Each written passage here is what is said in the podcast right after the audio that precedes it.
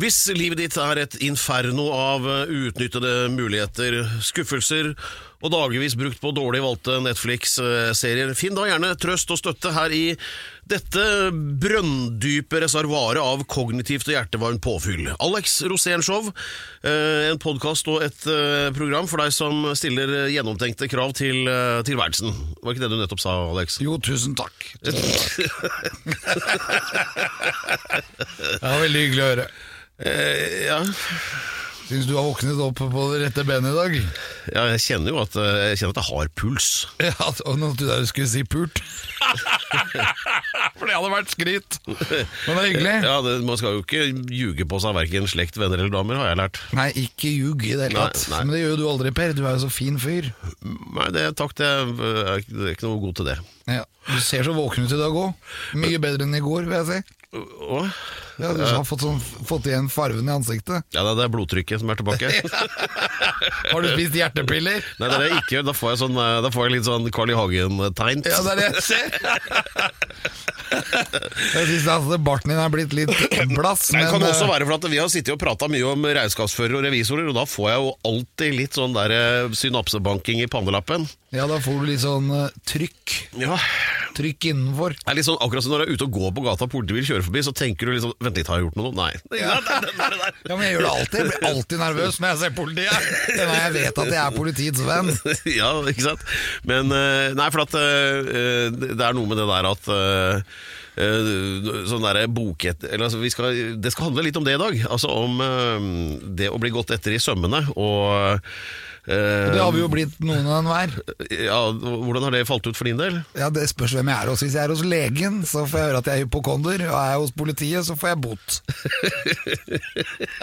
Og når regnskapene dine blir gjennomgått? Men når jeg ser politiet, så tenker jeg alltid at jeg er hypp på å hjelpe dem med å pågripe folk. Ja, altså Vi er jo glad i ordensmakten. Vi er glad i politiet her i dette programmet. Vi er politiets venner, er vi ikke det? Ja, vi holder jo til her på Jernbanetorget, så det er ikke så rart. Nei, ikke sant? Det er et par av dem her. Hva skulle vi gjort uten politi? Det hadde blitt bare tull. Hva skulle vi gjort uten politi? Skulle vi båret politibåtene?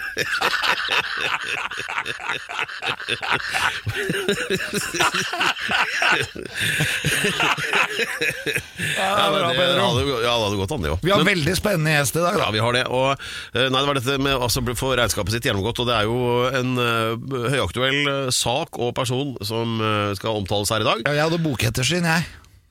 Ja, det var Det hadde ikke du. Nei, jeg har ikke hatt det. Nei, Det gikk veldig bra. Det var, var det mye, mange sånne røde tusjstreker der? Det var det, men Ja. de- var lov. ja, ok, fint. Um, ja, og du mente det ikke, er vel også det vanlige forsvaret. Ja, det pleier jeg alltid å si. Og så tar jeg vare på kvitteringer, Ja, og da går det greit. Det er, det er lurt. Uh, ja, og Det er jo ikke alle som gjør, og noen liker heller da ofte altså Revisorer f.eks., er ikke like begeistret for alle typer kvitteringer. Som f.eks. Uh, a-ha-konserter eller spa-opphold. Eller da- sprit. Det er aldri populært. Så uh, den saken vi skal frem til her, det er jo da uh, organisasjonen Født Fri. Som eh, ved sin leder, da, Shabana Rehman, fikk gjennomgå nylig for å, ha brukt av offentlige midler, da, tilskuddsmidler, på både det ene og det andre. Og Men var det egentlig så gærent? Nei, det var ikke det. Det og det skal vi få svar på, for hun kommer hit i dag. Fordi eller i kveld. Ja, for det er sånn når, når du er i litt hardt vær i det offentlige i Norge, så er det bare én trygg havn for å få lagt frem din sak på en måte sånn at den ikke blir besudlet, vridd og feilomtalt. Og det er Alex Rosén Show! Nettopp. Alex Rosén Show. En podkast fra Radio Rock. Bara, bara, bara, bara. Takk for den. Eh, Svaret er fem. Fem. Ja, og Spørsmålet er eh, hva er rekorden Alex nettopp satt i antall eh, forberedelser i form av manussider? Du har skrevet fem sider forberedelser, det setter jeg pris på. Ja, jeg, har, jo- forberedt meg før programmet, da. Ja, Det er voldsomt, jeg blir rørt. Ja, ja, men Eh, det er sånn fordi at jeg må fornye meg selv. Dette er et gjennom... Det er dypt, dypt, dyptgripende og gjennomtenkt program, eh, så, som det alltid er, og som lytterne nå har vent seg til og nesten skjemte bort, eh, vil jeg si. Og eh, ikke minst når det gjelder gjester, for nå blir det fart i sakene her, for eh, dette har vi gledet oss til, og Alex skal forestå den heraldiske introduksjonen av dagens høyt ærede gjest. Vær så god. Ja, nå har vi en av de mest fantastiske gjestene vi har hatt noen gang i dette programmet her, og det har vi hatt før òg, Ja. men nå drar det faktisk helt over. Mine damer og herrer, hun har gått på ski over Grønland. Ja. Hun har skrevet bøker. Ja. Hun har en organisasjon, Født Fri, igangsatt på initiativ av Trine Skei Grande, som nå er i mediastorm. Altså ikke Trine Skei Grande, men Født Fri. Ja. Hun er med i Ytringsfrihetskommisjonen. Det er fett! Oh. Hun har vunnet Fredrikkeprisen. Oi. Hun har fått Fritt Ord-prisen i 2002. Hun har fått Pillarguri-prisen. Og hun har fått Trollkjerringprisen. Og pluss, står det her i mine notater, diverse andre priser. Og jeg elsker jo folk som får masse priser. Hun har fått Nobelsprisen. Hun er engasjert i dyr- og menneskerettighetsarbeid. Og har en podkast som heter Spa. Og det er en slags spa-guide, hvor hun gir da informasjon om hvor det er bra å dra på spa. Hun er glad i dyr, og hun er glad i menneskerett. Og hun har Muna i VG. Og ikke minst, hun har løftet mullar. Oi! Mine damer og herrer, ta imot the one and only Shabana Rehman! Ja da! Og da syns jeg vi skal ta Shabana Rehman-sangen. Gjør det. En, to, tre, fire. Um, Shabana, Shabana Rehman. Shabana Rehman er løs. Sha, sha, Shabana Rehman. Shabana Rehman er fri.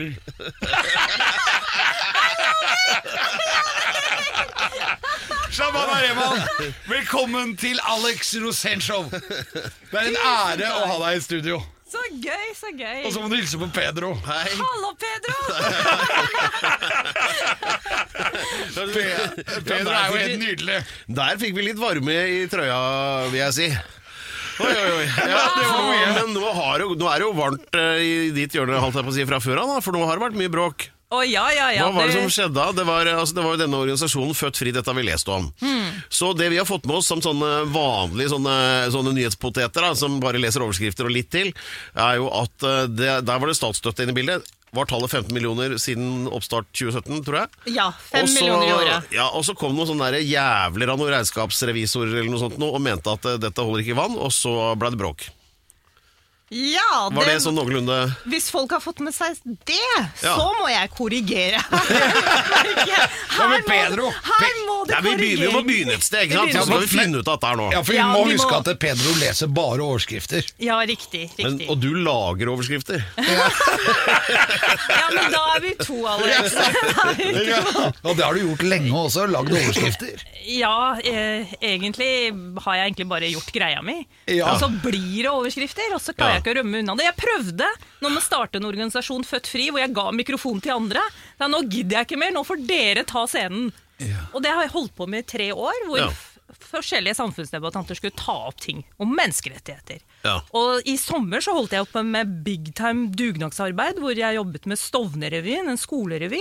Ja. Og det var det jeg holdt på med før dette traff oss. Ja.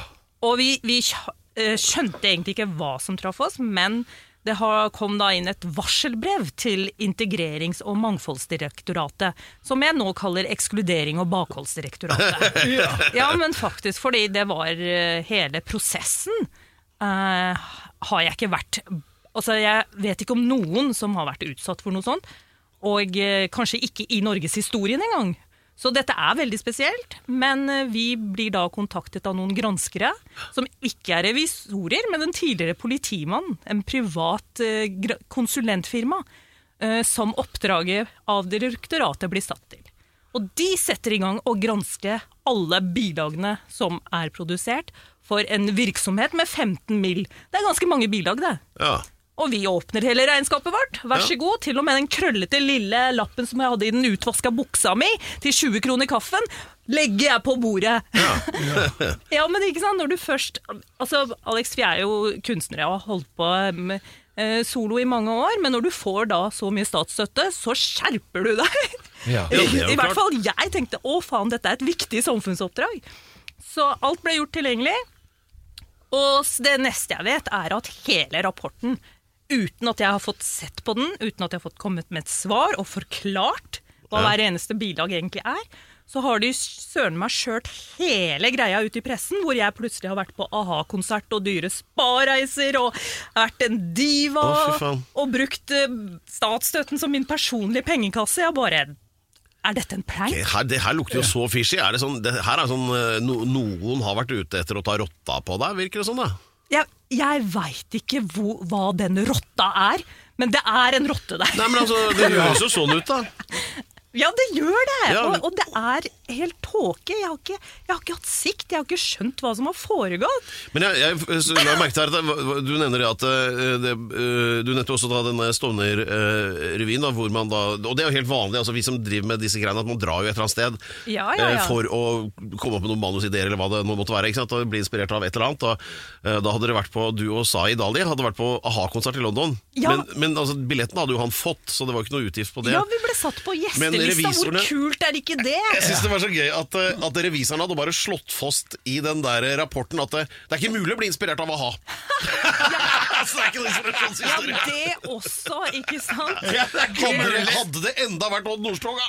Ja, ja, ja. Også, a-ha burde jo saksøke dem for æreskrenkelse. Ja, det, det, det syns jeg nok. Det er bare den lista nå. Ja, Det er jo det samme som å pisse på Østimor og si noe sånt. Ja, nei da, men dette her, vet du um, Det er en, en, en situasjon som jeg må deale med. Jeg, dagen etter at rapporten kom, kunne jeg ikke gå ut av huset engang. Ikke sant? For det var så massivt. Og, og det er jo ikke bare bare å bli hengt ut som, eh, som å ha misbrukt statsstøtten, liksom. Det er Men- ganske Men du, Føler du da at du liksom plutselig fikk et sånt stempel sånn der Ja, altså der er hun som rapper penger av statskassa ja, Ja, og bare sitter og lakker negla. Ja, stempla som bare det. Ja, ja. Ja, ja, det, det kan Det er man kjipt. godt si. Mildt sagt. Ja. Et stempel. Men hvordan, hvordan takler du dette nå? Nei, altså ehm, Det har jo vedvart nå i tre måneder, og det blir jo bare verre og verre. Men ja, hvordan takler man en sånn situasjon? Ehm, jeg, jeg tar én dag om gangen, og så eh, s- står jeg jo opp for å få fram det som er sant. Ja, og hva er sant? Eh, det er jo en eh, det, Dette er komplisert, skjønner du, fordi stemplingen var så sterk, så massivt, og hele pressen slukte jo det også. Ja. Ikke sant? Fordi at Ernst og Young et internasjonalt eh, eh, seriøst firma. Ikke sant? Jeg visste ikke hvor svære jeg visste ikke hva- Kyniske jævler fra innerst ytterst. ja, jeg, jeg visste Ja. ikke hva, hva Ernst og Young var engang. Altså, på tre måneder så føler jeg at jeg har tatt doktorgraden på statsvitenskap. Nå vet jeg alt om hvordan direktorat, byråkrati, regjering, alt funker. Og kan snakke om det, men det er i hvert fall noe jeg har fått ut av det. Men det som er, er at eh, det er eh, utrolig seigt. Altså, det er så lett å anklage noen. Så lett, men det tar tid å bevise sin Men uskyld. Så, så det er no, noen Det har vært uh, ute etter deg eller dere og bestilt uh, sånne økonomiske mercenaries fra Ernst og Young til å finne et eller annet dritt og klistre på henne. Ja, og det, det som det litt, kommer fram nå, da, er at uh, Født Fri kjemper jo eh, mot negativ sosial kontroll i minoritetsmiljøene. Ja. Og det dette eh, eh, ser ut til å være nå, er en mye større kamp. Dette er negativ sosial kontroll fra myndighetene. Og dette er jo en del av vårt samfunnsoppdrag. Så da tar jeg den nå. Dere har vel gjort skikkelig bokføringsarbeid, så dere har, vel, dere har vel en vei å gå her nå? Ja, alt er revisorgodkjent. Ja. Vi har regnskapsfører, og eh, faktisk i dag så leverte han eh, sitt tilsvar nummer to til at EI har granska oss på nytt. Etter at vi svarte at hallo, alt dere sier ikke stemmer, her er dokumentasjonen. Så har de gått inn i våre regnskapssystemer og granska oss på nytt uten at vi visste om det, og skjørt ut en ny rapport, som de gjorde nå 2. november. Så den har vi også svart på. Så Ja. eh, maktarrogansen og maktmisbruket er totalt. Det er min versjon. Ja, men hva sier, hva sier den nye rapporten? Den eh, har funnet opp eh, nye ting, men det den går etter, er Stovnerrevyen. En skolerevy. Det som er greia, da, er at eh, Født Fri er en eh, frivillig organisasjon. Og jeg vet ikke om du har jobbet med dokumentarer og sånn, men en frivillig organisasjon kan ikke søke filmstøtte. Det må et privat eh, produksjonsselskap gjøre. Ja. Så mitt lille produksjonsselskap, Bonted Production, søkte da filmstøtte for å lage dokumentaren om Stovner-ungdommen, som er Norges tøffeste skoler. De har aldri satt opp revy. Og jeg ville dokumentere det, så hele Norge kunne lære av hvordan man gjør det på Stovner. Ja, ja. Så da søker jeg filmstøtte og overfører disse pengene til Født Fri, sånn at de kan lage den filmen. Ja. Og det kalles sammenblanding av eh, privat firma og eh, stiftelsen Født Fri. Det er det som har skjedd! Herregud. Det er det som har skjedd! Yes. Men, men du, altså Så du biter deg litt i halen, da? Du gjør det, fordi dette kommer jo fram. Og dokumentarfilmen er jo knallsterk. Og fy søren som Stovner-ungdom har attitude og står på og forlanger å være en del av det samfunnet som de har vært så utafor. Og de kødder med alt. Og de er der. Og nå har de stoppa alt. De har bare strupa født fri. Så vi får kanskje ikke ut denne historien. Dette her må vi snakke Ja, mer om. det her skal vi, dette skal komme til bunns i. Vi skal finne ut hvem er det som er ute etter Shabana og født fri, og så skal vi konstruere en seriøs drittpakke på vedkommende. Oh Shabana, Shabana Rehman. Shabana Rehman er løs. Dette er Alex Rosénshow, og i dag har vi besøk av Shabana, Shabana Rehman! Hei! Og øh, veldig interessert her nå. Altså, vi får da en ordentlig beskrivelse av denne Kafka-aktige saken hun er midt oppi. Hvor, Prosessen. Ja. prosessen, ja. Kan bare skifte navn til K. Er det ikke K. Ja. K. Født Fri heter altså organisasjonen som ble fratatt all ære og statsstøtte og i det hele tatt etter en, en rimelig fishy revisjon fra Ernst og Young.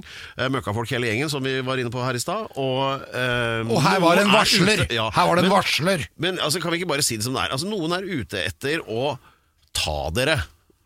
Det er jo sånn Ja. eh, Dere har fått penger av staten, selvfølgelig. Men det er jo, det, det er- og det bygger opp sjalusi. Og, Men det er jo, sant, det er jo eh, Det virker jo veldig sånn. Eh, men hva vil du si om denne prosessen? Hvordan opplevde du det der, egentlig? Altså, jeg har jo vært engasjert i menneskerettigheter og satire i 25 år. Så det er, i to og et halvt år har Født Fri eksistert. Så for første gang i norsk historie så bestemmer eh, staten Norge at nå skal vi gi statsstøtte til en organisasjon som er ledet av minoriteter, som nå selv kan ta ordet for den, denne likhets- og frigjøringskampen. At man kan gifte seg med den man vil, gå kledd i det man vil, tenke og ytre og kødde med hva man vil. ikke sant? Ja. Eh, og fordi jeg hadde jobbet med det i så mange år, så ble jeg spurt om jeg kunne lede det. Så jeg ble headhunta til dette oppdraget. Av Venstre. Av, av egentlig Nei, her er det misforståelse. Det, er, eh, en, e- det ble en enighet eh, med alle partiene om at denne statsstøtten skulle gis.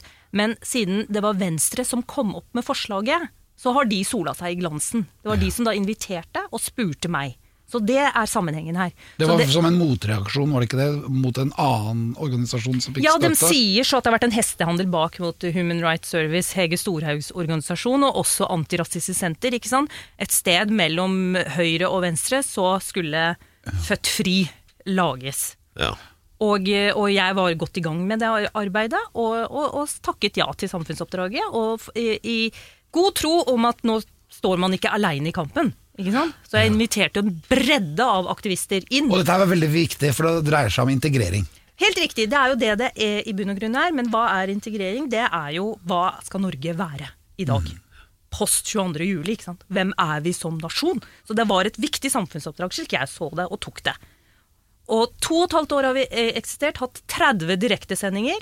Den super-Mac-en min som blir hengt ut, har jeg sittet og redigert disse direktesendingene til sosiale medier. Og da må man ha en kraftig Mac. Eh, Men uansett, eh, det er det vi har gjort på to og et halvt år. Jeg vet ikke om noen annen organisasjon på så kort levetid som har produsert 30 direktesendinger. Og så kommer denne bomben. Vi har ennå ikke rukket å publisere alt vi har produsert engang, for vi har produsert så utrolig mye. Men var det sjalusi det her, da? Fra en eller annen varsler? Eh, det vet jeg ikke. Jeg, jeg har ikke hele bildet. Jeg har fortsatt ikke sikt over, over hva det er jeg er utsatt for. Men jeg vet at det kom et varselbrev inn til direktoratet 8. august. Og det varselbrevet fikk jeg aldri se før dommen over oss falt. Det er også helt utrolig. Jeg visste ikke hva jeg var anklaget for og etterforsket for. ja, men altså, dommen altså, det er jo ikke sånn, det, det som kommer frem her, det er jo liksom bare pi, Det er jo ingenting. Det- det er nettopp det. Men, men konsekvensene, da? Her, folk har mistet jobben, eller og, altså, for, Fortell meg, hva, hva skjedde? Hvordan opplevde dere som ja, jobbet? Det høres ut som bokettersyn. I, ja, men Ja. altså, hvordan, hva skjedde med dere liksom, midt opp, altså, i denne prosessen? da? Ja, altså det eh, Takk. Det er første gang vi blir spurt om det, faktisk. Etter tre måneder. Hva skjedde med oss? Ja. Hvilke menneskelige omkostninger er det? Det er jo eh, tre mennesker vi snakker om her, som Ja. over natta mista jobben sin. Ikke sant? De stengte jo driftsstøtten vår før granskingen var ferdig. Vi har måttet stå opp med vårt, forsvar uten penger, uten ansatte. Ja. Så ikke sant? når du ikke har penger, så har du, er du også sjanseløs. Dette skjer da ved siden av at vi ikke har fått vite hva vi er anklaget for. eh, hva eh, prosessen egentlig handler om. Vi fikk vite, som du sa, et bokettersyn. Noe som er helt normalt. Ja ja, nå er du på statsstøtte, så skjer det jo det. Så når vi fikk vite eh, ca. midten av august at vi skal granskes, så ok, så åpnet vi jo alle dørene, for det, det er jo det man gjør. Eh, og da, da visste vi fortsatt ikke hva som var i vente, og hvilke konsekvenser det fikk for oss og menneskene som jobbet. Ja, men altså, det det koker ned til, altså, altså, Dere har vært på spa, påstås det, eh, og så hadde dere ikke det. Nei, det Og så blir det påstått at dere, dere var på, hadde brukt penger på, ja, brukt penger på billetter til a-ha-konsert, og det hadde dere heller ikke gjort. Så da var det jo ikke så mye igjen, liksom. Ikke bare det, de sa også at uh, de anbefaler politianmeldelse. Jeg ble jo kriminalisert. Hvem, men og det, det, frafalt også. så det er, det, er liksom, det er liksom ingenting. Det er ingenting det er kokt ned til. Og, Men- hva, hva, og da, da må man spørre seg hvorfor ble eh, eh, menneskene utsatt for det de ble utsatt for? Altså Jeg har hørt nå fra fagfolk at eh, mindre enn halvparten av det jeg har vært utsatt for, og mine ansatte, er nok til at folk blir lagt inn. Altså så eh, massiv har angrepet på stormen vært. Men har det ikke vært noen på, på deres side og, altså, Eller f.eks. for eksempel vår nåværende kulturminister Abid Raja, som var involvert i sant, eh, initiativtagingen bak dette og sånn. Eh, Har han bare vært for opptatt etter å løpe etter Tom Cruise med selfiestanga si? Sånn at han ikke har vært på, hatt tid til å hjelpe dere, eller hva har Han har i hvert fall gjort det, det er dokumentert. Men eh, altså, eh, når det gjelder Abid Raja, så eh, skjønte jeg jo tidlig at dette har jo med roller å, å, å gjøre. Han kan ikke i den rollen han er i, gå inn i denne saken, fordi det er eh, Guri Melby som er minister for eh, eh, Kunnskapsdepartementet. Det er hennes ansvar. Og Libe Ribbe som er direktør for direktoratet. Det er de som er ans øverste ansvarlige, Ja, men- som må svare. Ja. Så, så Abid Raja eller Trine Skei Grande kan ikke blande seg inn. Men de kunne, når dette startet, i hvert fall spurt det du spurte om nå. Hvordan går det med dere? Ja. Og det har de gjort altfor alt for sent. Men de, nå, først nå har de gjort det. ja. Så det, det, det må sies. Men øh, det er jo øh, Du spurte om varslerne. Det startet jo med varselbrevet. Eh, så hele prosessen fra varselbrevet kom inn, til dommen over oss falt, og nå i ettertid også, hvor det har gått prestisje i saken, hvor vår dokumentasjon ikke blir lyttet til. ikke sant? Så det er svikt i alle ledd. I alle ledd, og til og med i pressen. Ikke sant? Så hva, det er liksom fra alle kanter her. Så hvis man skal ta et oppgjør med dette, så er det jo en prosess, det også, som kommer til å ta år. Jeg er gissel av situasjonen resten av livet, jeg, kanskje. Så da er det jo bare å bestille en time på spa og forberede seg. Men er du nervøs nå?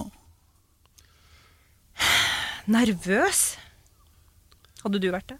Ja, men jeg har vært i samme situasjon. Har du? Ja, for en gang så glemte jeg altså å levere selvangivelse. Ja, I sånn tre, 97. tre, fire år på rad, ja. Og så glemte jeg altså. ja, i 98 å levere selvangivelse. Jeg glemte det ikke, jeg hadde egentlig leid en økonom som skulle levere det, men han glemte det. Og så glemte han det tredje året, 99. I alle Og så fikk jeg en øh, skjønnsligning i 2000, og den var sinnssyk. Men da, da må øk økonomen betale den, men det ga du ham vel ikke? Nei, nei, men det var ingen som kunne betale den, og da måtte jeg i rettssak. Så når jeg var på vei til Nordpolen i 2002, da var jeg i rettssak i Harstad via telefon. Nei, yes. Det var bare Men det gikk jo bra til slutt. da Jeg fikk jo omstøtet vedtaket. Ja, riktig. Det Hvor lang tid tok det? Det tok da alt i alt så tok det jo fem år. Men jeg hadde jo glemt et par-tre ting, da, ikke sant? så jeg var jo litt dum som ikke fulgte nøye med. Ja. Men har du noen sånne? At du har, føler du at du har gjort noe gærent? Uh, Altså um, Alle rundt meg, også de jeg kunne stole på, og kan stole på Jeg har blitt så skjørt i tre måneder. Og har blitt spurt nesten hver dag Har du gjort noe gærent? Now is the time! Innrøm det! Og jeg kødder ikke. Jeg selv driver og lett. Hva faen kan jeg ha surra med noe? Et bilag eller hva som helst. Jeg driver og leter fortsatt, og jeg lover dere, om jeg har gjort noe gærent, så skal det selvfølgelig på, på bordet. Men jeg har ikke funnet noe. Eh, Vi har ikke fått noen retningslinjer fra direktoratet. Lag en organisasjon. Og så har vi gjort det med all den kreativiteten vi har. Eh, Vi har jeg har ordna et kompetent styre, vi har regnskapsfører, vi har revisor. Hva mer kunne jeg ha gjort? Og så tror du ikke jeg saumfart hele sjela mi? Hva faen mer kunne jeg gjort? Men kan du, ikke, kan du ikke gå litt sånn on the offense her og slå tilbake? Er det ikke noe eh, reguleringer for eh, altså myndigheten, altså forvaltningsloven eller et eller annet med altså arbeidsmiljølov, et eller annet sånt, og bare Det som er- litt tilbake, liksom? Det som er utrolig bra som har skjedd i denne saken, for det har skjedd litt bra ting òg, Ja. det er jo at uh, eksperter på, eh, på granskning og på varsling Ja. uh, Tre eksperter. Anne Helsingeng, som er i Advokatforeningen, Petter Gottschalt som er økonomiprofessor på BI, og Birte Eriksen, som er ekspert på varsling og granskning. Alle de tre har slakta Ernst og Youngs rapport. Det er tre eksperter på fagfeltet, og de har også sagt det offentlig. Eh, og de, deres vitnesbyrd og, og analyse står der. Men så bra, da. Det, det gjør det. Ja. Det gjør det. Det betyr at dere kommer til å havne i en eller annen sak på et eller annet tidspunkt, da. Ja. I 2030, kanskje? Og da, og da, da får du rett. Og da blir du bare løftet frem igjen. Da kan jeg ta et sånn shabana-løft. Vet, ja, det, det, det, har du min tillatelse ja! til. Det kan Det ikke være. Er det mulla Krekar som står bak? At han Ja. endelig får hevn for det der løftet? Kan det være det? Ja, altså Det som er litt uh, spesielt med når sånne uh, uh, ting skjer, Ja. er jo at det danner jo eh, veldig bra grunnlag for konspirasjonsteorier. Ja, ja. og dem har jo begynt å blomstre veldig. Og, og det var det en, en professor Jeg har begynt å snakke masse med professorer. Man må ha fagfolk inn nå. En professor i, i Bergen som sa til meg at eh, når forvaltningen bryter regler så eh, åpenbart som de gjør nå, eh, så er det to ting. Eh, at de har fått ordre ovenifra. Eh, konspirasjonsteori 1. To, at det gir grunnlag for konspirasjonsteorier. Derfor er det utrolig viktig at myndigheter følger loven og ivaretar rettssikkerheten. For ellers så får vi et samfunn med konspirasjonsteorier, og det er ikke bra, for da mister man tilliten. Veldig bra sagt. Ikke sant? Ja. Derfor må, må man eh, finne ut hva er det som egentlig har skjedd her. Pedro. ja vi, eh, vi ringer Ola Tue. Alex Rosén Show podkast. Ja da, Pedro. Vær så god. Nei, det er ikke den eh, nye hardtslående true crime-podkasten i Norge. Det er uh, Alex Rosénshow, uh, nylig kåret til det klart grommeste som fins på norsk radio. Gratulerer. Ja, I like måte. Og vi har besøk av Shabana Rehman, som, eh, og nå for altså, eventuelt nye lyttere, som man pleier å si, da, så er det jo altså da denne saken om organisasjonen Født Fri, uh, som eh, jobber med inkludering og, og hjelper altså unge folk f.eks. på Stovner med revy der med å liksom nå fram i offentligheten. Da, for å gjøre dette litt sånn enkelt nå.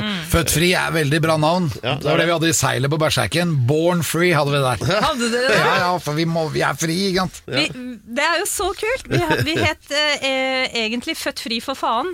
Ja, det er enda kulere. Men, men når vi kom på statsstøtte, så måtte vi sensurere for faen, og da ble det Født fri. Men ja. Man, man tilpasser seg. Og så, men så er det jo da det at eh, noen på høyt strå et eller annet sted har bestilt en drittpakke fordi de er irritert på dere av en eller annen grunn. Vi har ikke helt kommet til bunns i det, men vi har masse teorier, og de skal vi legge fram etter hvert. Eh, og eh, satt da bikkjene fra Ernst og Young på å finne noe økonomisk rot. Ikke kall dem bikkjer. Jeg er veldig glad i hunder. Er du det? Hva er favorittdyret? Ja, men, eh, Samoyeder. Samoeder, hva er det? Det er polarhunder fra Sibir opprinnelig. Ok. Ok, det er. Det er deilig. Men, men ok, da. Altså, dragene da fra Ernst Young altså, Dette er jo da Ernst Young et digert internasjonalt konsern som eh, livnærer seg på å hjelpe enda rikere konsern til å betale minst mulig skatt, f.eks., og bidrar til samfunnet på den måten. Eh, men altså da skulle da grave fram noe dritt på dere og legge fram da fire ting som jeg fikk med, i hvert fall. At eh, ah, de har brukt penger, altså statspenger på aha-billetter. Det hadde de ikke. Mm. og gått på spa. Det hadde de heller ikke. Jo, men det hadde på Saeed. alkohol. Det hadde de heller ikke. Var det mulig å få ham Nei, men ut? Alex, la, følg med nå. Og den siste av dette med at de hadde brukt penger på at du hadde leid noen til å lufte hundene dine. Stemte det? Nei. Så ingen av tingene stemte. Men like fullt så, så må du kjempe da mot liksom, eh, denne slags denne vindmøllen med ikke navngitte anklagere, og eh, som en sånn Kafka-situasjon. da. Hvordan går dette her videre? Du, skal du finne deg i det, eller bare vente på at det går over, eller hva gjør du? Jeg finner meg ikke i det. I, ikke i et sekund i det. Og det er jo også fordi at eh, jeg er eh, Angrepet er så massivt at jeg er jo gissel av situasjonen. Det er et lite land vi bor i. Ja. Eh, hele Norge snakker om den saken nå, og jeg er ikke skrudd sammen sånn at jeg går og gjemmer meg.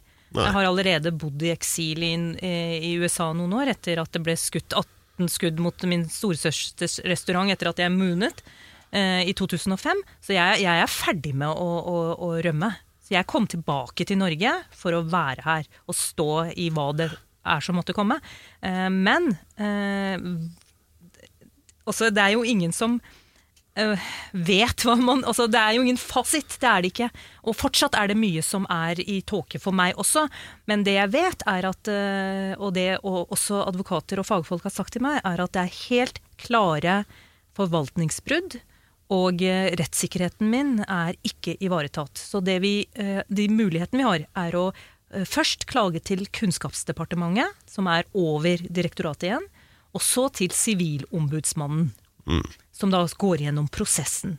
Og til slutt et eventuelt søksmål. Det er det alternativet som står foran oss nå for å få rettferdighet. Altså, Min erfaring da, byråkratiet og politikken i Norge har ikke nødvendigvis så høy kompetanse på noe, men det er én ting de er helt fantastiske på, og det er å dekke egen ræv. Det går foran i alle prosesser. Hva for noe? Dekke egen er altså bare sørge for å aldri bli tatt for noen ting. ja. Eh, og, men, eh, Men da har de gjort dette før, ja. Og de kommer til å gjøre det igjen. Men, de, men folk som sitter og hører på, hører, hører på noe, for at jeg, jeg syns det du legger fram er ganske overbevisende. Ja. Eh, men, du, det er, men det er jo de som sier at det, å nei, det, her er det noe som stikker bak, og ingen eh, røyk uten ild og, og sånn. Hva vil du si til de? Jeg hører det hver dag. Ja. Ingen røyk uten ild. Og da er mitt svar det er ikke jeg som tente på ilden. Noen satte fyr på Født Fri. Ja. Og det er den røyken vi ser. Så de klarte å stoppe prosessene deres da, med, altså med de filmene og revyen og, og ja. De klarte å stoppe noe av det fineste som har skjedd i Integrerings-Norge. Noe av det fineste. Og det har jeg dokumentert. Jeg har det på film, og jeg kommer til å gjemme Super-Mac-en og alle diskene før de kommer og tar det. For det, det skal ut. Og, nå, og nå, nå, nå ble du veldig streng i fjeset. Jeg ble litt sånn eh, redd, nesten. Er det, Nei, er det ja, det gikk over litt, da, men, men da ja, du men sa du, det der du, jeg, det er interessant det du sier, at jeg ble veldig streng i, i fjeset. Og jeg har også fått høre at oi, en sint kvinne. Men jeg kan love dere at jeg har faktisk ikke vært sint, men jeg har sett inn i noe som har forandret meg for alltid. Og det har fått opp et gravalvor hos meg. Det har det. Og det preger også noen ganger min stemme og min levering. Det gjør det. Mm. Dette gravalvoret, det er ikke raseri. Det er ikke hevnlyst. Det er en oppvåkning. Det er jo det er sånn vet du, med forvaltningen altså når, man blir, havner i den der Kafka-posisjonen, så er det litt som i den Knutsen og Ludvigsen-sangen. Det, det store dyret har 100 hoder som det vil spise deg med. Jeg tror det handler om det der. Det Og, og vet du hva? Nettopp! 100 hoder. Jeg har funnet trøst i mytologien. Oh. Jeg er jo pakistaner, og vi var jo indre før. før imperialismen. Så var vi jo hinduer, hele gjengen. Oh, ja. Og i, Akkurat som dere dyrka Odin og Frøya. ja, det husker jeg. Men hvordan kan man glemme det? Jeg var veldig Men glad i Frøya. da. i mytologien da, så er det, det er en, eh, en hinduistisk gudinne som heter Kali. Og jeg har tulla litt med henne i mine show videre. Kali hun har fire armer. Og i den ene holder hun et sverd. I den andre så holder hun et demonhode. Og i den fjerde holder hun flammer. Og med den, eh, Og også med alle hendene Tredje, ja. Tredje, ja. Nå går jeg litt sur i tallene her, men jeg har aldri vært god på tall. Men uansett, med alle disse hendene så danser hun så hele universet står i flammer. Og, Kali er kjent for å eh, være liv, død, livssyklusens gudinne. Og, og med det sverdet og alle, Hvis dere googler bildene hennes, så er det mange hoder rundt henne, mange demonhoder, som hun har kuttet av med sverdet sitt for at liv skal gjenoppstå. Og syklusen fortsette. Og hun merker at jeg henter fram når jeg merker meg angrepet på alle kanter. Og det er helt utrolig, for jeg er ikke noen religiøs person. Altså Hele Født fri handler jo om tankefrihet. Ikke sant? At denne saken vekker en sånn type spiritualitet hos meg, er eh, forteller meg at ja, vi mennesker kan vokse på kriser, og vi står i en arv av arketyper og mytologi, og jeg vet ikke hva, søren! Ja. Men det kommer opp som verktøy vi kan bruke. Jeg vil jo tippe det, Shabana, at du har jo sikkert kjent litt på øh, litt sånn motstand Altså det å være øh, øh, kvinne med flerkulturell bakgrunn og være litt glad i å si fra, og kanskje løfte på litt mullaer og vise litt rumpe og dra litt drøye vitser, det skal man jo ikke gjøre så altfor mye før du får noen tilbake, går jeg ut fra, da. Ja, men du, altså, det Du er vant til det, er du ikke det? Du, du har helt rett. Jeg, Ja. jeg er vant til det. Ja. Nervesystemet mitt jeg har vært vant til det i 20 år. Eh, men dette er et helt annet liga. Ja, ja. Nettopp. Men eh, jeg er født fri, men jeg er ikke født i går. Så ja, jeg har vært gjennom disse stormene sånn at nettopp jeg klarer å stå i det i dag. Enn så lenge! Enn så lenge. Ja. Plutselig så tipper det over. vet du. Ja, det, Nei, nei, jeg bare kødder. det blir Det er kult. Det virker som spennende å se hvor det her bærer, altså. Ja, det virker som at du har i hvert fall fortjent de prisene du har fått. Det, fordi at du står midt i det, og du hugger av de hodene. Og det er liksom med dette gamle religiøse og disse fantastiske som egentlig er poetisk og dikterisk. ja, Det er jo det det er. det er det det er. Men altså, I den grad altså, mandatet er å kjempe for ytringsfriheten, da, Ja. så er jo denne casen i seg sjøl faktisk altså, mulig å bruke i det arbeidet på en måte. Da. Det blir jo nesten som en sånn metasituasjon. Ja, ja, ja, det er jo en gavepakke. Altså, dette Ja. er samfunnsoppdraget vårt. Ja, og da å gjøre en eh, ikke sant? Altså, Jeg ser for meg liksom true crime-podkast og i det hele tatt uh, Altså, hva skjedde her? Kan vi ikke lage det? Ja. Skal vi lage skikkelig integrering, så er det veldig viktig at dere er i media hele tida. Ja, altså, Bare få alt på bordet. liksom, altså, Hvis det er noen som mener at uh, det det er så gærent det dere har gjort, eller Ok, Ja, kom med fjes og navn og, og vær litt ærlig. Og, Ja, gi ja. meg i hvert fall muligheten til å si Å faen, dette var dumt gjort av meg! Det skal jeg ikke gjøre igjen! Og husk, og Husk hva revisorene på Ernst og Young sier, at det er umulig å bli inspirert av a-ha. Men jeg, jeg Jeg tror vi må ringe Morten, Magne og Pål Ja, og be om et sitat. Men jeg, jeg lurer på, når dere var på spa, var det mulig å få med seg Saeed ut? Det, er, det må vi snakke om! Det må vi snakke om. Ja, det skal vi virkelig komme til bunns i. Vi dro på Son spa hotell. Det er det det heter! Ja. Det heter Son spa hotell! De har også en brygge foran, jeg har ligget der noen ganger. Ja, ikke sant? De burde jo faktisk sponse oss nå. Men um, Sahid bor i Horten og jeg på eh, Knapstad. Så dette var det nærmeste hotellet mellom eh, våre bosteder. Og vi skulle skrive manuset for den første Stovner-revyen. Vi har laget to Stovner-revyer, for det er et treårig prosjekt med elevene.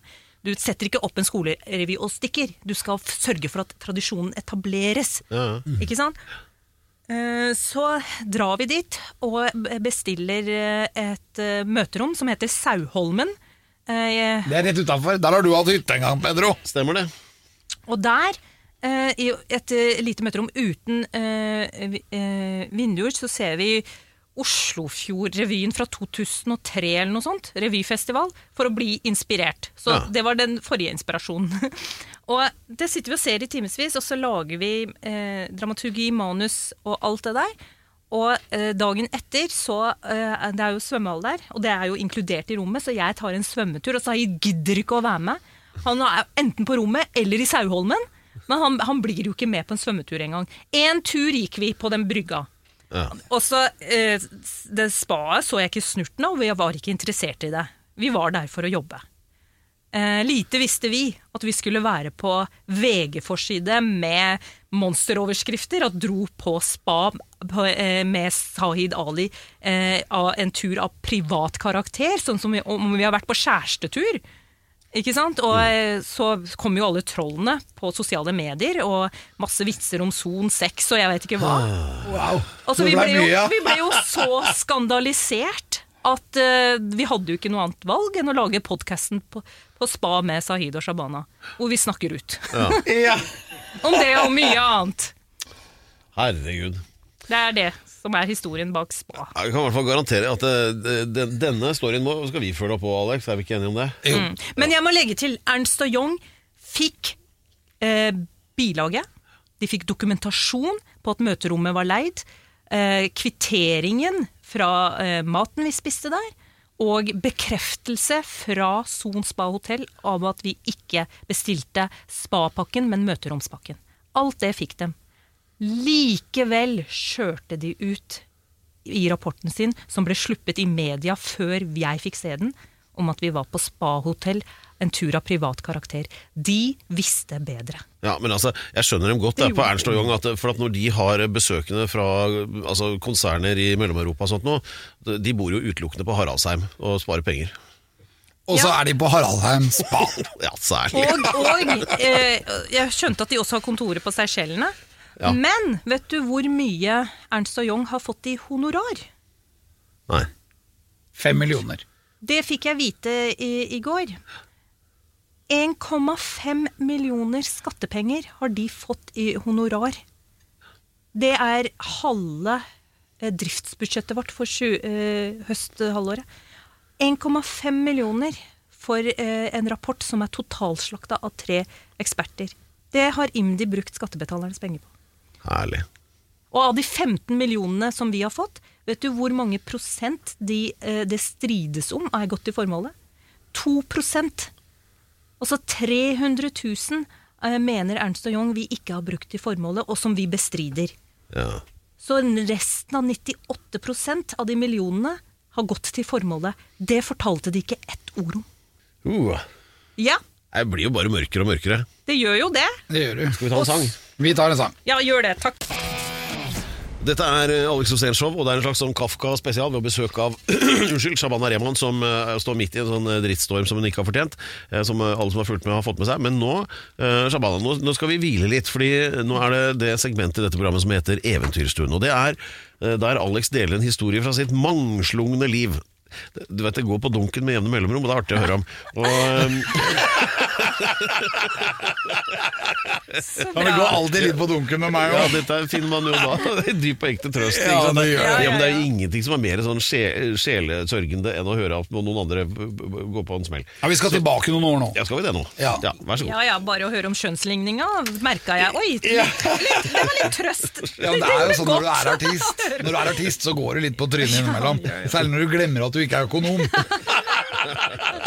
Jeg har jo alltid glemt litt. Ja, ja. Men dette, vi skal tilbake en tid, fordi at jeg var jo i militæret lenge. Men, øh, og det gikk jo veldig bra. Jeg hadde jo masse fights og masse shootouts. Men øh, det er ikke det dette handler om. For at når jeg var ute av militæret, så tenkte jeg at jeg skulle gjøre noe med mine dårlige venner. Jeg har jo nesten bare dårlige venner. Og de var jo ingen av de som var i militæret, for de var jo sivilarbeidere. Og det jeg tenkte da, var at jeg, måtte jo, vite, jeg måtte vite hva er det de holder på med. For sivilarbeidere, hva er det, liksom? Det er jo helt umulig å vite. Er du sivil hele tiden, da? Jeg tenkte at jeg var nødt til å finne ut av dette. Og det jeg gjorde da, var at jeg blei med uh, min manager, Sjølands. Og han var jo da sivilarbeider. Han hadde vært i marinen, men han ville ikke drepe noen. Jeg tok ikke det så høyt opp. Ja, ja, så han, han spilte jo at han var homo, og at han var pasifist, at han var alt mulig rart for å slippe militæret. Og til slutt så slapp han det. Og så ble han sivilarbeider. Og tenkte jeg det må jeg vite, hva er det som skjer på sivilarbeideravdelingen? Ja. Og det var da Antirasistisk Senter. For det var der han jobbet. Så det jeg ble, var at jeg ble vaktmester i Antirasistisk Senter. Så jeg var, jo, va- ja, jeg var jo vaktmester der dritlenge. Jeg bytta lyspærer. Jeg jobbet med Khalid Salimi. Og byttet eh, lyspærer og ordnet sånn at det var doruller på do. Og ordnet sånn at alt var Og jobbet der dritlenge. Så jeg fant ut hva sivilarbeiderne gjorde. Jo, det var det at de, de arrange, skulle arrangere fest. Og så skulle de kjøpe inn masse drikke. Og da glemte de selvfølgelig å kjøpe alkoholfritt, så de hadde jo bare kjøpt sprit og øl til alle. De alle det var helt krise, fordi halve andre senter var jo muslimer, og de kunne ikke si at de akevitt. Det var helt Det helt, ja, det var helt utelukka.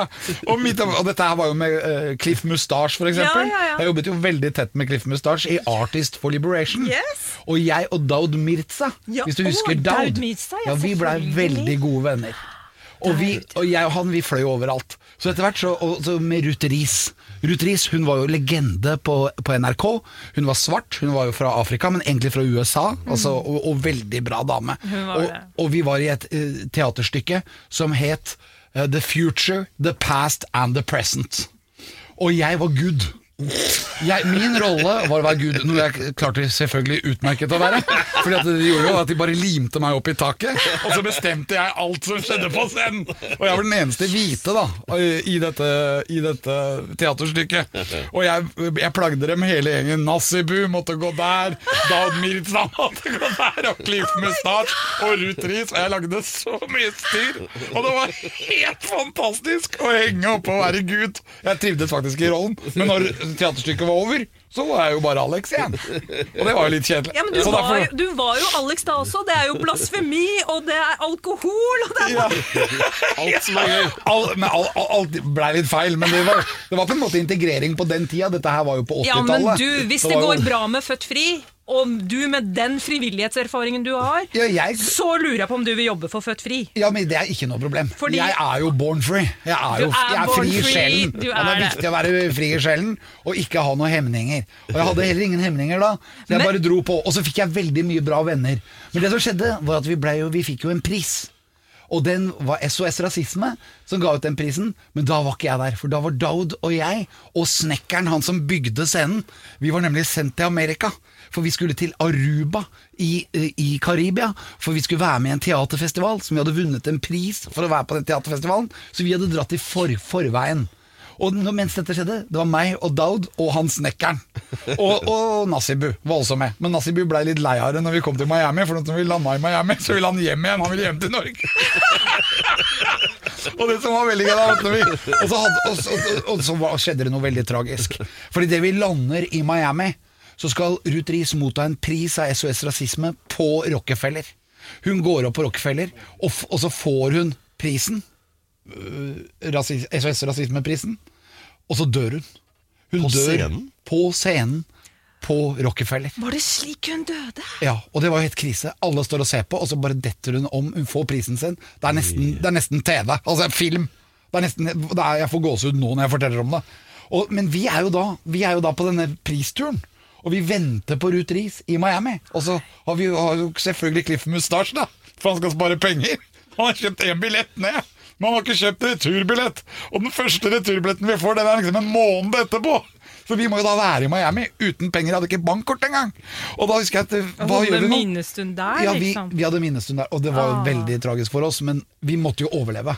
Så vi måtte bare tenke ok, vi, vi må sørge over utris, det gjorde vi, all respekt, men vi var nødt til å overleve. Så det vi gjorde var at vi spilte i gata. Vi starta i Miami og spilte i gata. Filma hadde- dere det? Nei, det var jo lenge før kameraets tid. det var jo mulig, det var ikke til mobiltelefoner da. Altså, Det fantes mobiltelefoner, men de måtte du bære på ryggen. Hvilket år var det? Dette var i 88, tror jeg. 88, men i hvert fall, vi måtte, vi, og vi begynte å spille. Og så etter hvert så tjente vi penger. Folk digga det jo, det var jo ikke gatemusikanter der. Mens vi klarte på en måte å tjene penger. Og så hadde han, jeg husker han, snekkeren vår, han hadde bankkort. Så vi kunne ta ut penger av hans bankkort, så klarte vi å trekke over òg. Og så leide vi oss en bil, så kjørte vi rundt i Amerika. Vi dro opp til Tallahassee, til New Orleans, vi dro til Austin i Texas. Og det var helt utrolig. Vi spilte jo også overalt. Rundt, jeg husker vi kom til en sånn reggae-pub i, i Texas. Da var vi i Red River Creek på vei inn til Austin, Texas. Og kommer da inn der, og så står det utafor døra. Fordi Daud han var, helt, han var veldig glad i Nassibu, selvfølgelig. Men Nassibu han var brodder med alle. vet Så han, Hver gang han møtte en ny svart kar, så 'hello, brother'.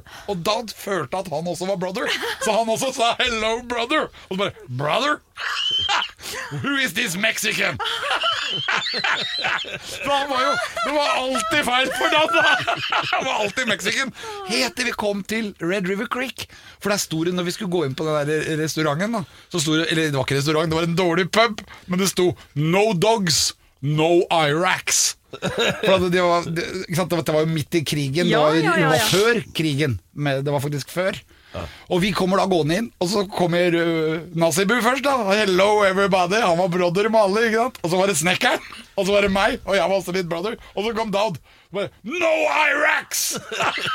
og så smeller det fra Dowd I'm not Iraq, I'm Norwegian. Yes, very much! og det var bare Men det, vi, selvfølgelig, vi, vi Han klarte sa å ikke han mexican, da. Nei, nei, han var ikke mexican i Texas. Nei, for der, klarte der så han ikke mexican ut. Men i Florida, da så han mexican Ja, ut! ja, ja. For der hadde de ikke peiling på Mexican Men så, men, men, så, men inni, inni Texas da er det jo masse problemer, og vi får masse problemer. Etter vi havner på en sånn gratis lunsj, hvor alle spiser, da. Vi spiser som bare det. Men den er forgifta. Altså de er gamle kyllingvinger. Jeg husker at vi spiste dem, Vi de var jo dritgode, men de var jo gamle, så alle fikk rennamage, vet du.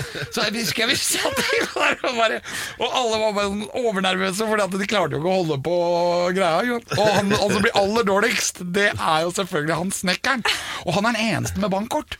Og han hadde vært også den eneste med sertifikat. Så han skulle kjøre ut, og så skulle vi kjøre ut derfra. Og da var det bare sånn, husker jeg, han ble dårligere og dårligere. Og vi klarte å Og så måtte jeg, for jeg kan jo kjøre bil, så jeg sa det, slapp av. Dette her ordner jeg. Ja, ja, gi meg bankkort og koden, så fikser ja, jeg. ja, ja, og så får jeg den lappen din, og så bare klistrer vi på et bilde av meg der, og så kjører jeg. Og så la vi han bak, for han var jo dårlig i flere dager, så vi kjørte derfra opp til Texarkana, gjennom Little Rock, kommer til Memphis, og da er han snekkeren enda dårligere, igjen. Og da når vi er i Memphis, så må jo jeg se Elvis, så vi må jo innom Graceland. Og så står vi utafor der. Det er jo, vi er jo som en regnbue av hele verden. og Han snekkeren var antakeligvis nordlending, jeg var sørlending. Og så hadde vi med oss Afrika, og så hadde vi med oss Asia. Så vi var bare, det var jo bare veldig bra stemning. Det er det bandbildet. Ja, men så har jo jeg alltid vært glad i å kjøre fort. Så når vi kjører ut av, Lidl- eh, ut av Memphis, så kjører vi mot Atlanta. Gjennom Birmingham, og så til Atlanta, Georgia. Og da kjører jo jeg Jeg tenker det at eh, det er jo så bra motorveier i USA, det er sikkert som i Tyskland, at det er fri fart. Så jeg ligger jo da i 180 eller noe, og så kommer det da blålys bak. Og så sier han 'Å nei, nå, nå skal vi bli stoppa, nå skal vi bli arrestert'. Ja. Og da roper jeg på han snekkeren som ligger bak i bagasjerommet, og han er jo så dårlig i magen, så han klarer jo ingenting, vet du. Og han bare Han så jo ut som han hadde masse sjukdommer. Men så sier jeg at du må komme fram her, og så må vi bytte i settet. Altså, du må sette deg her, og så må jeg oppover der. Og ha politimannen titter inn i bilen. Mens vi bytter sete, da. Og så sier han bare 'why', og så blir vi stoppa. Og så stopper bilen, og så må vi, og så sitter vi bare Vi må sitte i bilen, og så hendene opp på For du må vite at du ikke har gunner, ikke sant? Ja, ja, ja. Og så hvor må må vi ut, og så står vi ute der, og så sier han bare til meg «Uh, You know there is uh, 60 miles here. Why did you drive in 100 miles? Han forbanna, skikkelig forbanna. Så sier jeg well, it's free speed in Norway. We are from Norway, and it's free speed. Well, you're not in Norway now, son! Og da var det helt krise. Var det, But I never knew that. You know, I'm like Donald Trump. I say what I feel, what I think. Og så Det ender jo med at vi blir grisearrestert. sendt opp på et sånt sted. Down meg og han snekkeren. Jeg tror ikke de fikk med seg Nazibull om han hadde reist hjem fra Austin eller noe, men i hvert fall så var det oss tre, da. Og så ender det, men det, er- ender jo med at eh, han skjønner at vi ikke er i Norge, og at i Norge er det fri speed. Så vi får, vi får 100 dollar i bot hver. Og så blir vi da sluppet fri, og kan kjøre videre til motocross i, på Daytona Beach. ja, ja. I can use Men- the bathroom again. Men det, den opplevelsen der, med å, alt det rasesammensuriumet av mennesker og forskjeller gjennom hele USA, å være den gjengen som på, på en måte fra Ruth Reece sin dødsdag reiser på den turneen. Det var noe som merket meg gjennom hele livet, helt frem til i dag, og det at jeg skulle ha deg her i dag, så føler jeg at det var litt av for det var, Vi var der for Antirasistisk Senter, eller egentlig for Artists for Liberation, som det het den gangen. Dette var jo for Black Box og Ja, ja, ja. og han fikk seg båt, Cliff Mustache og sånn. Men vi, vi måtte klare oss der en måned, vi. Eller i hvert fall tre uker. Det var fantastisk Aleine gjennom hele å høre den historien. Og, det, og dette visste jeg ikke om deg. Eller om Daud, som jeg var, var, var ganske glad i. Daud, Ja, Daud var fantastisk fyr. Vet du at eh, Daud spilte i den første pakistanske oppsetningen av eh, Nora, et dukkehjem, Ja. hvor min storesøster eh, var den første pakistanske jenta som spilte Nora. Når var dette? Dette var, eh, dette var på 80-tallet. Dette var faktisk på 80-tallet, og jeg tror det ble satt opp på Black Box. Ja, Var det før? Det var der Daud kanskje ble oppdaget, det da? Ja, det var etter at han hadde spilt i Var det Fedrelandet det het? Eller eh, Byttingar? En NRK-serie. Ja. Og så jeg kjente, kjente litt til han, og så, vi, så, vi var jo bare unger da, og så veldig opp til, opp til Daud Mirza. Vi. Han var Ja. liksom skuespilleren, han, han og Tony Osman. Så når søsteren min skulle spille eh, Nora Jeg tror han spilte eh, Helmer, han da, eller? Ja, hel, kanskje han spilte Helmer. Han spilte veldig, veldig bra. Ja. Og, eh, og det, det, det, det var nettopp den generasjonen som åpnet opp eh, min inspirasjon til, å, til Ja, ja. kunst og kultur og scene. Men Daud, jeg hadde det så kult med Daud. Jeg savner Daud. Ja, men at, altså, at du har en sånn historikk i en frivillig organisasjon som Antirasistisk Senter, med kunst, kultur og alle de gærne digge folka, var jo bare helt vanvittig å høre på. Ja, men Det var viktig for meg altså, å skjønne hva disse sivilarbeiderne dreiv med. Det var jo helt umulig å skjønne. Og så er det blitt et minne for livet. ja, det var- minne for livet. Jeg har holdt på med det et par-tre år. Ja. Helt til jeg blei Alex eh, på U. Og nå har jo frivilligheten blitt slik at eh, det er jo vi som nå må gå i geriljakrigen. Det som, Så, så nå trenger vi hjelp fra militæret. det som kommer til å skje nå, vet du, det er at Ernst Young går det regnskapet deres litt etter i sømmene etter den turen der, og kommer nok til å påpeke at de der 100 dollarene i bot, det De må jeg betale sjøl. Det må du, du nok. jeg, jeg, apropos USA, jeg må fortelle min lille USA-historie. Jeg ble stoppa i når Jeg fortalte om at eh, når jeg moonet, vet du, og så ble eh, restauranten til søstera mi skutt på. Ja. Hvem var det som skøyt da? Og de er ennå ikke tatt.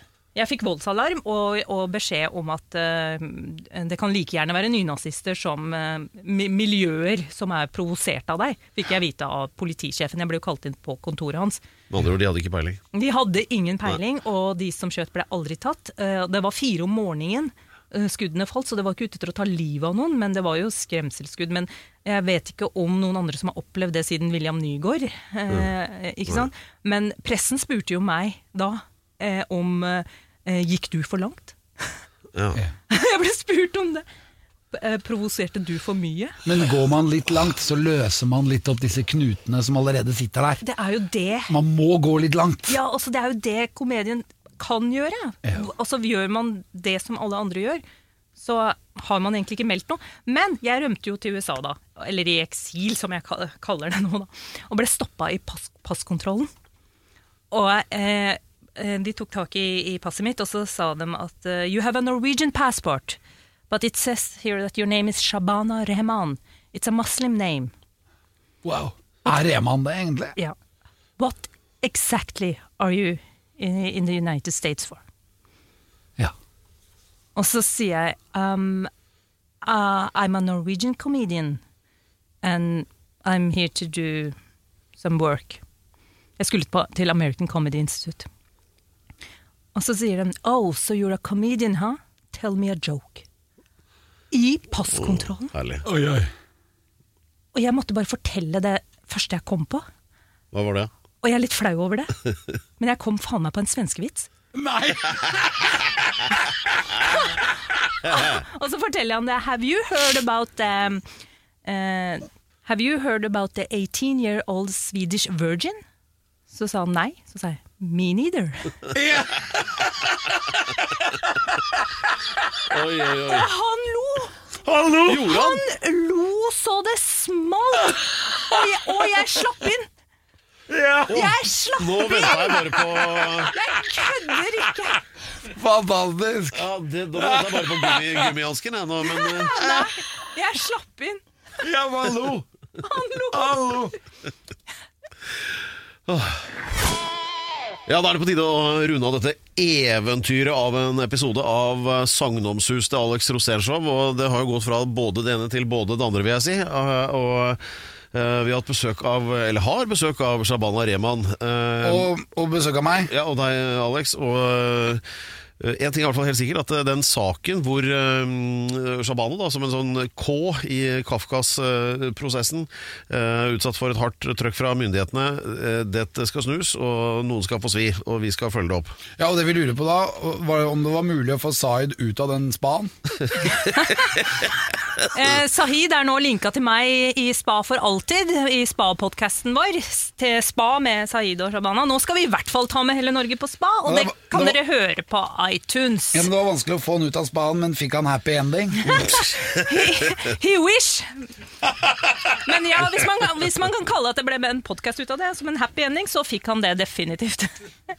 Kjempebra. Alex er veldig opptatt av at alle skal være fornøyd, skjønner du. Ja, også, men jeg, eh, jeg mener en ting her også. Hva er ditt favorittdyr?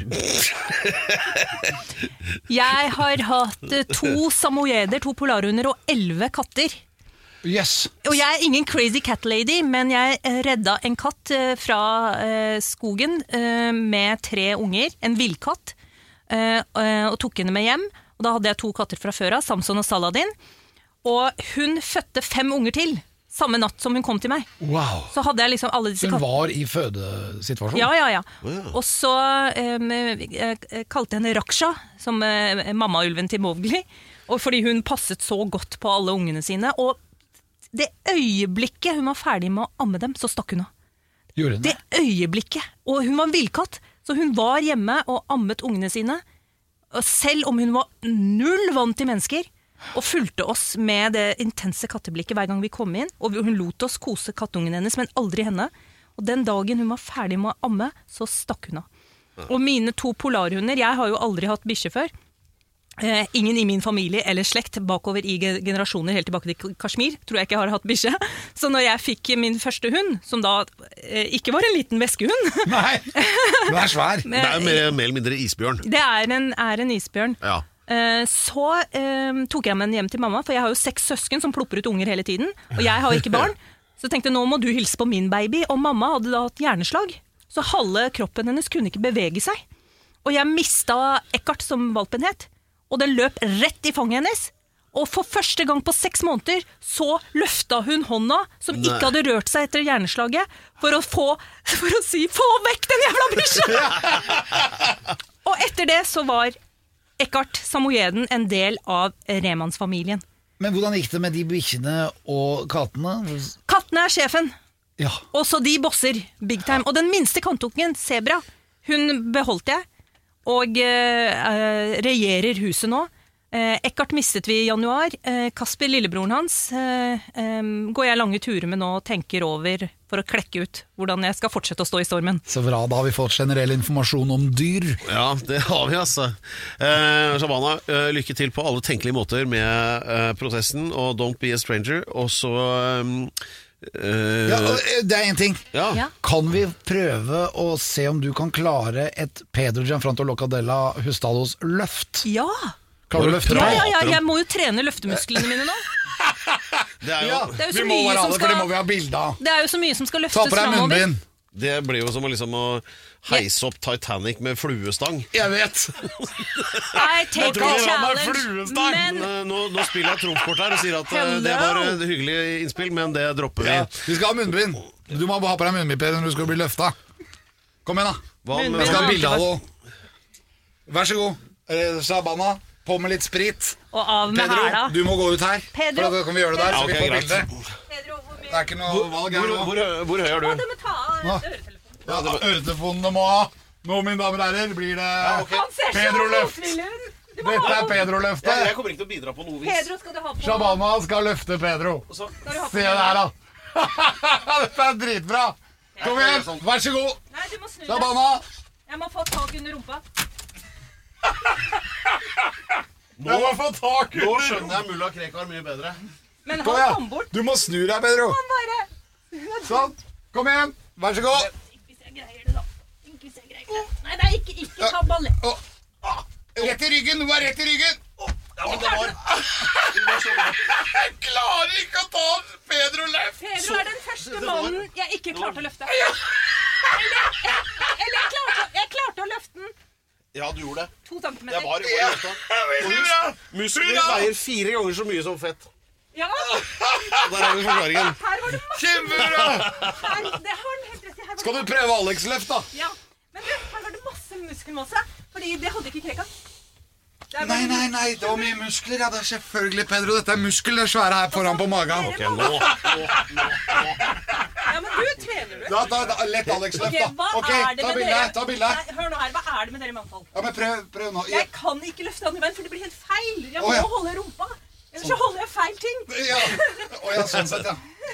Da blir det Oi, oi, oi! Ja da! Alex-løft! Helt rått! Det er det heftigste løftet jeg har hatt. Mine damer og Og da, og da for første gang så skjedde det du lover hver eneste gang, og det var at det skal ta av. Og nå tok du av. Ja, Jeg vet. Pedro, kan jeg, kan jeg, ta den med hjem? Ja, gjør det. Det Men du må levere den tilbake om en uke, for da trenger vi den her igjen på Alex Rosén-show. Showet som, eh, som jeg bare fyller ut sjæl. Ja. Tusen takk til Research. Lance, fantastisk Han, han har bursdag i dag. Ja, Gratulerer med dagen, Wow, Lance. grattis! Hipp hurra. Tusen takk til Remi bak spakene. Tusen takk til Pedro Giafranto Loca de la for fantastisk programleder som alltid. Tusen takk til Shabana Rema! Yeah! Dette er Alex Rosén Show. Vi ses om en uke. Samme kanal, samme tid. Wow, right everybody, right now! Alex Rosén Show på Radio Rock. Ny episode hver fredag der du finner dine podkaster. Radio Rock.